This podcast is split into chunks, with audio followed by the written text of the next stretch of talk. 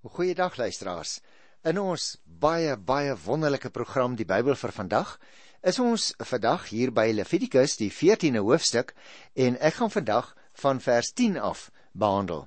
En jy sal weet dat ons eintlik besig is met bepaalde reinigingsvoorskrifte. Ons het gepraat oor velsiektes uh, en wat is die uh, herstel daarvan? Wat is die dinge wat sou veroorsaak wat mense kon doen dat hulle rein sou kon word? Nou het ek al reeds 'n bietjie daaroor gesels hoe dat 'n persoon aan die einde van so 'n periode sy hare moes afskeer, hy moes sy klere was voordat hy teruggaan na sy gesin toe sodat hy nie dalk van daardie kieme op sy gesinslede kon oordra nie en verlede keer het ek gesê dit was baie baie belangrik nê want dit was bepaalde gesondheidsvoorskrifte wat die Here vir hulle gegee het wat nie direk gehandel het oor hulle verhouding met die Here nie maar wat oor die onderlinge verhoudinge gehandel het en dus baie belangrik was want hierdie mense moet ons gedagte hou as daar byvoorbeeld 'n pes sou uitbreek in die kamp dan kan baie van hulle natuurlik die lewe verloor nou kom ons begin hier by die 10de vers in Levitikus by hoofstuk 14 Op die 8ste dag moet hy twee ramlammers en 'n jaar oud ooilam, almal sonder liggaamsgebrek, 'n graanoffer wat bestaan uit 5 kg meel met olyfolie aangemaak en 'n halwe liter olyfolie na die priester toe bring. En dan 'n luisteraar kan jy dit maar self lees hoe dat die priester nou op 'n bepaalde manier optree om ook uiteindelik vir hierdie persoon volkome rein te kan verklaar. Maar ek wil so 'n bietjie daaroor gesels en so 'n bietjie meer oor die agtergrond praat van hierdie spesifieke situasie wat ons hier het. Want jy sien om met die Here versoen te word, uh, wat 'n mens nou net so 'n bietjie verder in die teks kry hier van vers 18 tot by vers 20 af, dit wil sê om weer toegelaat te word in die erediens, moes die persoon nou offers bring en ook by die heiligdom gereinig word. So vertel vers 10 tot 18. Met ander woorde, die persoon kon nie net teruggaan en wou natuurlik ook nie net teruggaan na sy gesin en sy familie toe nie. Daarvoor was daar spesifieke voorskrifte, maar uit die aard van die saak wou hy baie graag weer deel hê aan die erediens.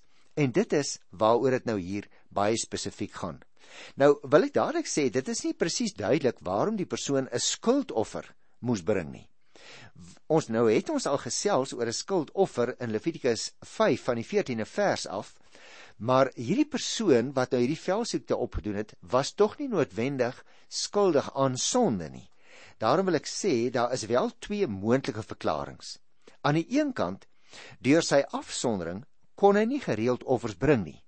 En uh, het hy dus ook die heiligdom skade berokken. Maar meer waarskynlik en dit is die tweede verklaring dink ek. Uh meer waarskynlik was dit 'n soort voorsorgmaatreël. Ingeval hy dalk onbewustelik van die gebooie van die Here oortree het en so die heiligdom skade aangedoen het waarna die Here hom met 'n velsiekte gestraf het nou vir jou en vir my weer eens klink dit baie vreemd maar onthou nou die wêreldbeeld wat mense van destyds gehad het hoe dat God bo was daar was drie vlakke het hulle gedink in die skepping naamlik bo die aarde waar God is op die aarde en onder die aarde Dit is maar eers later met nuwe wetenskaplike insigte dat ons begin insien dit, maar dit is nie heeltemal so eenvoudig nie. Daar is eintlik 'n ander verklaring, naamlik die wêreld is rond. U, jy sal dit nou weet. Ek hoef nou nie daaroor met jou te gesels nie.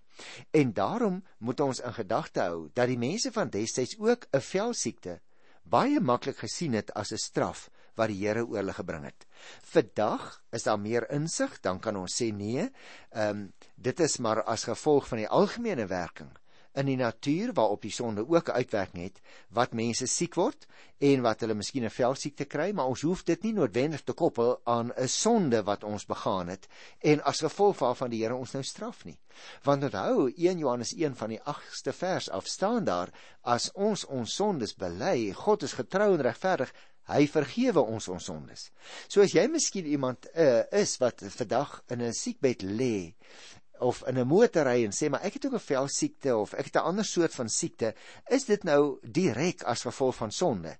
Dan dink ek is die antwoord nee. Nou goed, kom ons gaan terug na ons teksgedeelte toe. Nou hoekom moes daar 'n offer gebring word hier? Want bloed bring verzoening. Ons het dit al teëgekom uh vroeër in die 17de vers en ons sal ook by Hoofstuk 17 vers 11 weer daarmee te maak kry want die gedagte dat daar alleen verzoening is by wyse van bloedvergieting het ons nou al dikwels met mekaar bespreek. Met ander woorde, dit weer onheil af en dit herstel 'n gebroke verhouding. Nou as 'n teken dat die verhouding met God herstel word en dat die oordeel van God afgeweer word, word die bloed aan die regter oorlel gesmeer, ook aan die regter duim en die regter groottoon van die persoon. Uh staan in hierdie gedeelte. Die olie tussen hakies wat aan dieselfde plekke en aan die persoon se kop gesmeer word, is natuurlik 'n simbool van die nuwe lewenskrag wat die man nou as dit ware van die Here ontvang. Die sondeoffer dien ook tot verzoening deurdat die bloed daarvan die dele van die heiligdom reinig wat deur die sonde besoedel sou wees. Die persoon moet eers hierna 'n brandoffer en 'n graanoffer bring.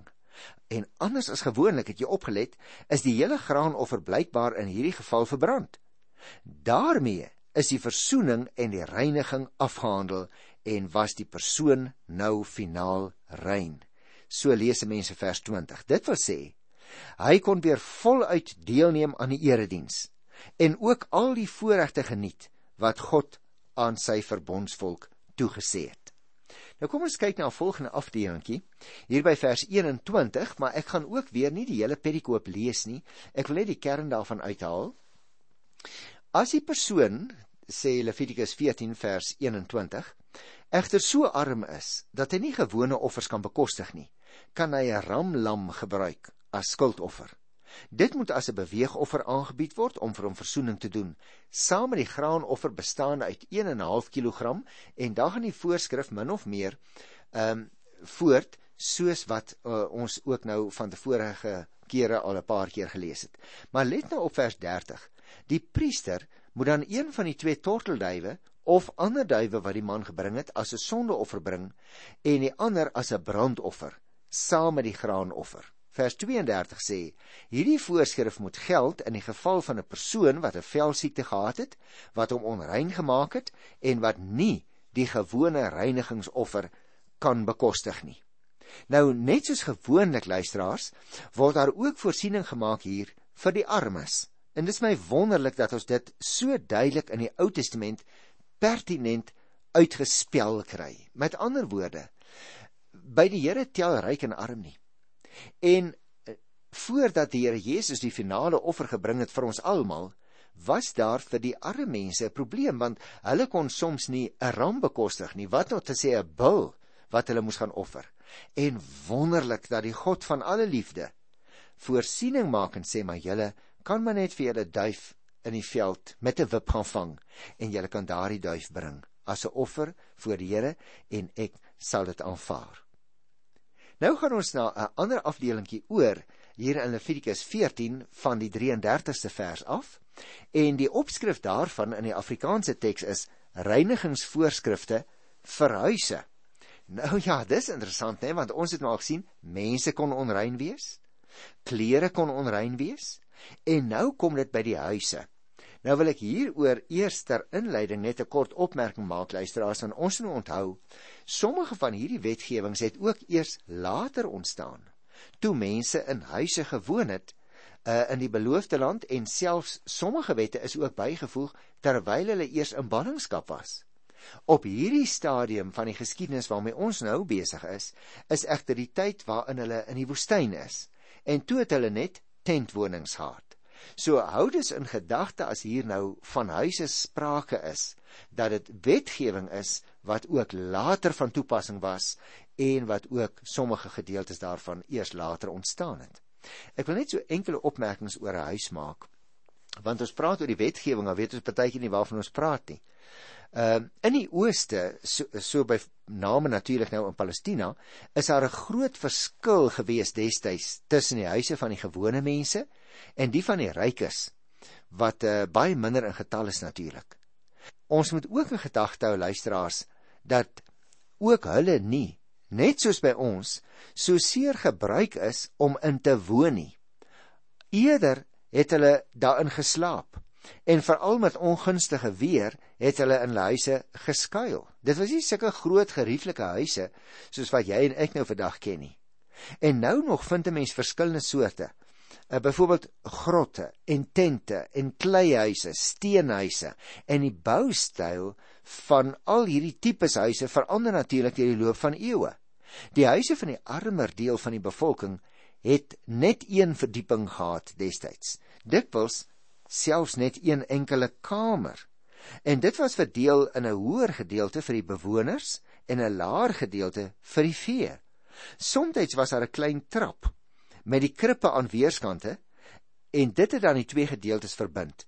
Die mure was dikwels van klei gebou, soms van bakstene of van kleistene wat in die son gedroog is of soms ook in 'n oond natuurlik gedroog is. Ook soms gestapelde klippe wat met klei aan mekaar verbind is soos sement in ons tyd. En die dakke van die eenvoudige dorpshuise is destyds van takke gemaak of van riet of van uh, enige ander materiaal soos groterige blare wat dan bedek is met 'n laag klei. In die heel eenvoudigste huise dien klein openings as venster en 'n lae opening in die voorste muur het gewoon as deur gedien. Die huise van die rykes word rondom 'n binneplaas gebou gewoonlik.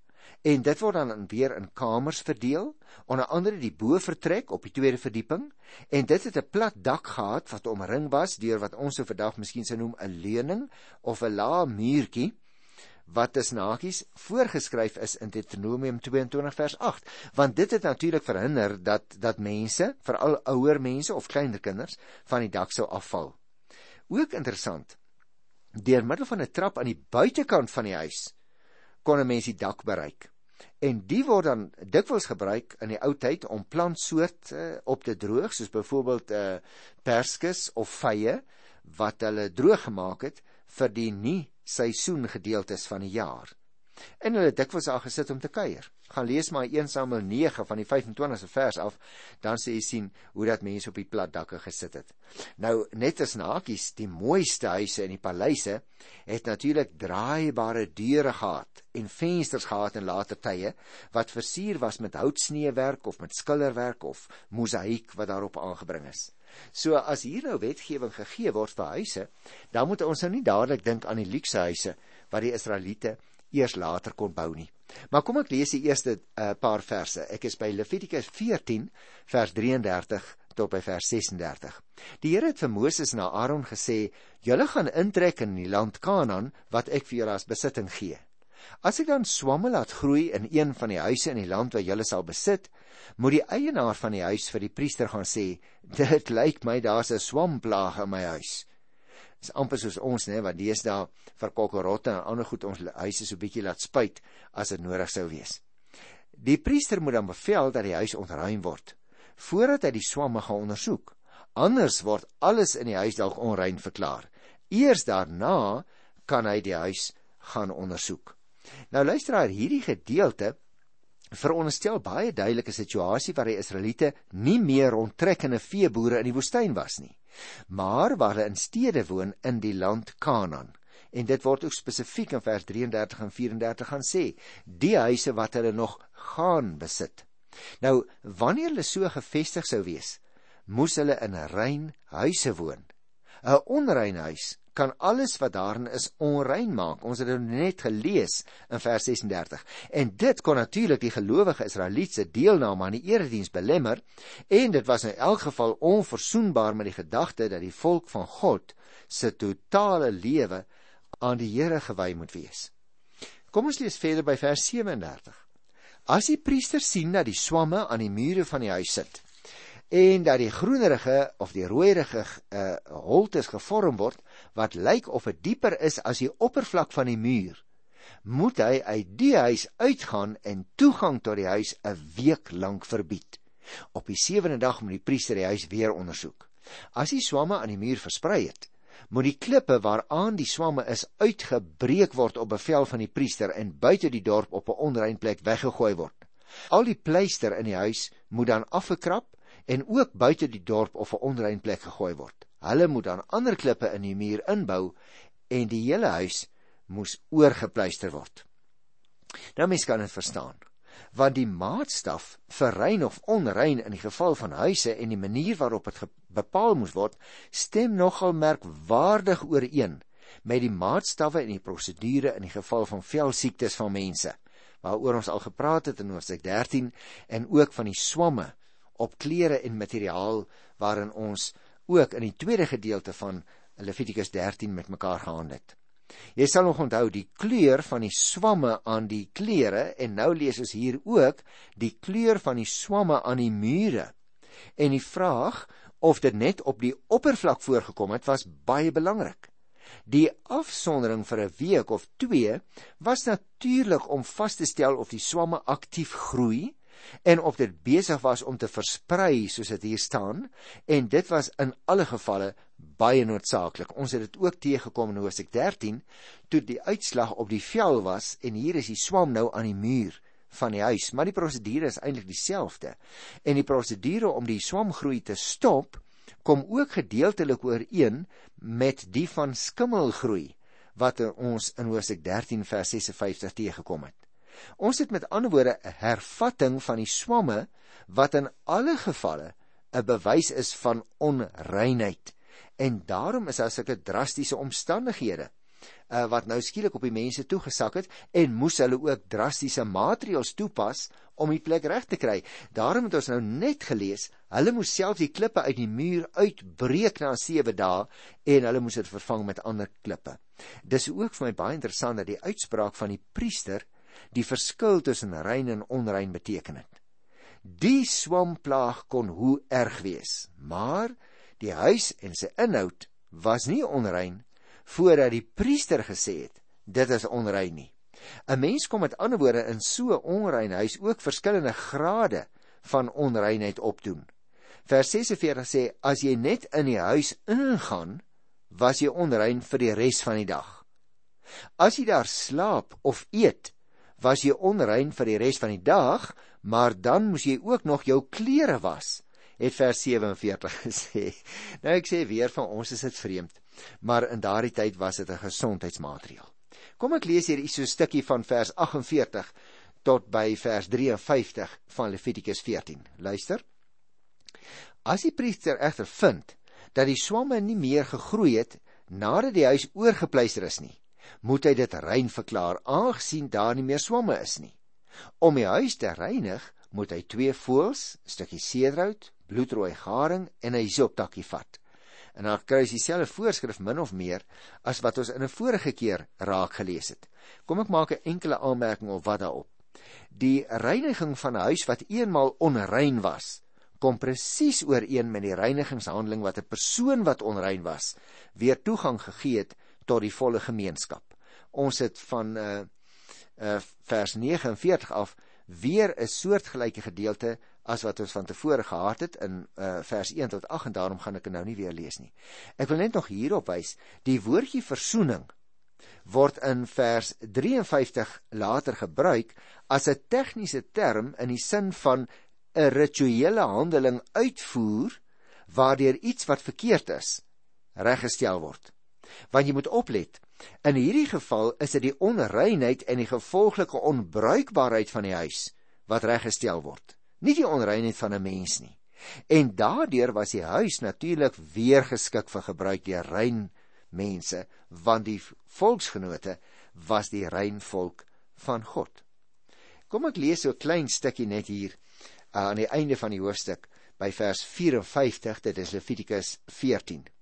Die voorafgaande voorskrifte het betrekking op skurfsiekte, skimmel aan klere, swamme in 'n huis, swelsels, uitslag en sere wat onrein maak.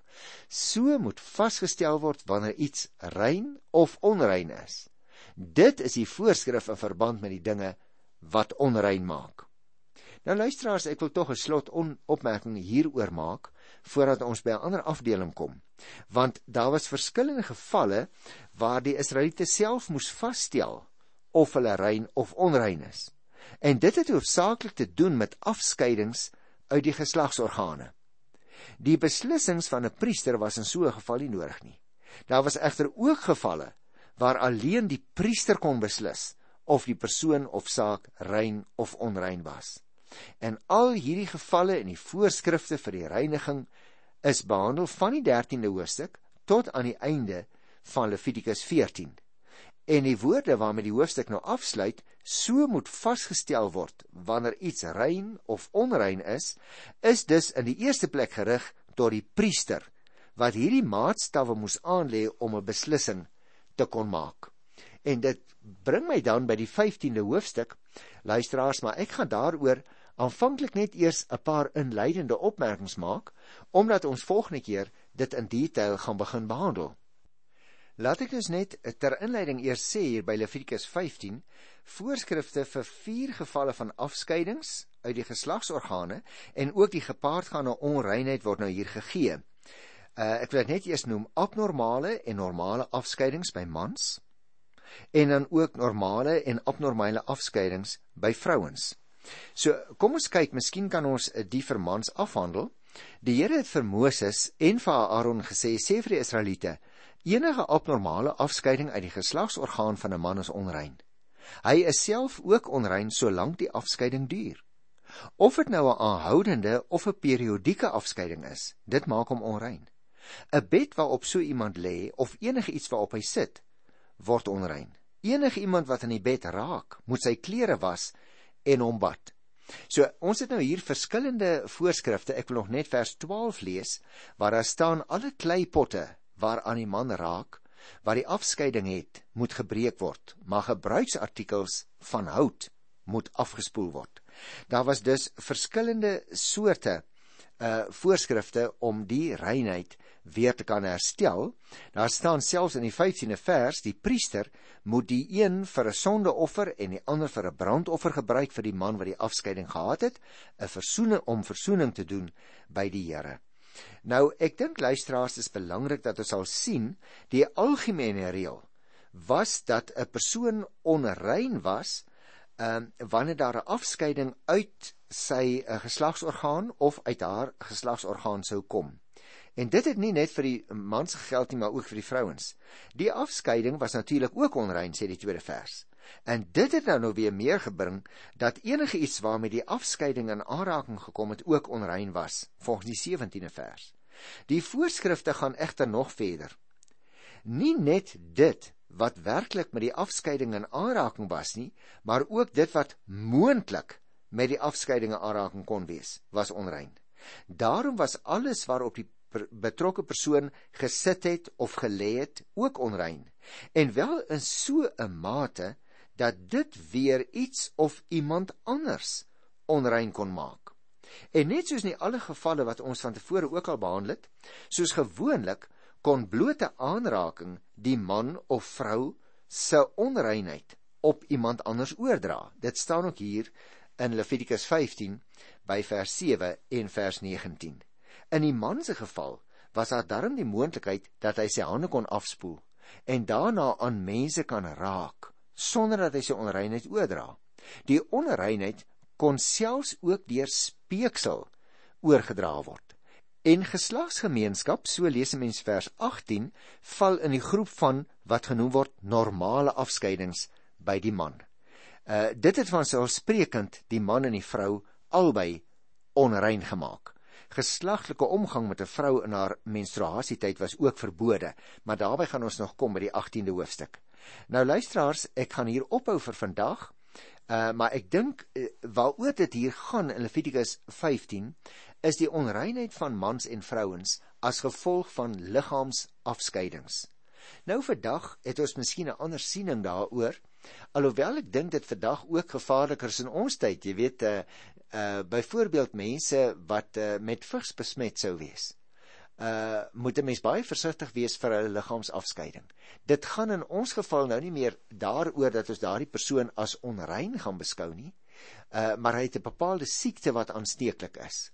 En daarom wil ek net ten slotte weer sê, ons moet hierdie gesondheidsreëlings wat die Here met hulle gemaak het, elke keer sien in die konteks dat dit vir hulle gevaarlik sou wees as 'n as 'n pessiekte sou uitbreek byvoorbeeld uh of mense een na die ander die spesifieke selfde siekte sou kon aansteek dan kon daar honderde mense gesterf het in die kamp en daarom was dit so 'n belangrike saak. Ek groet jou in die wonderlike naam van ons Here tot volgende keer en ek wil tog vra dat jy self ook so 'n bietjie verder sal lees in die Bybel. Nie noodwendig net in Levitikus nie, maar lees so lank in die in die Nuwe Testament, want as ons daar gaan begin met ons volgende boek, sal dit die boek Lukas wees. Tot volgende keer groet ek jou in die wonderlike naam van Jesus Christus, ons enigste middelaar. Tot dan, totsiens.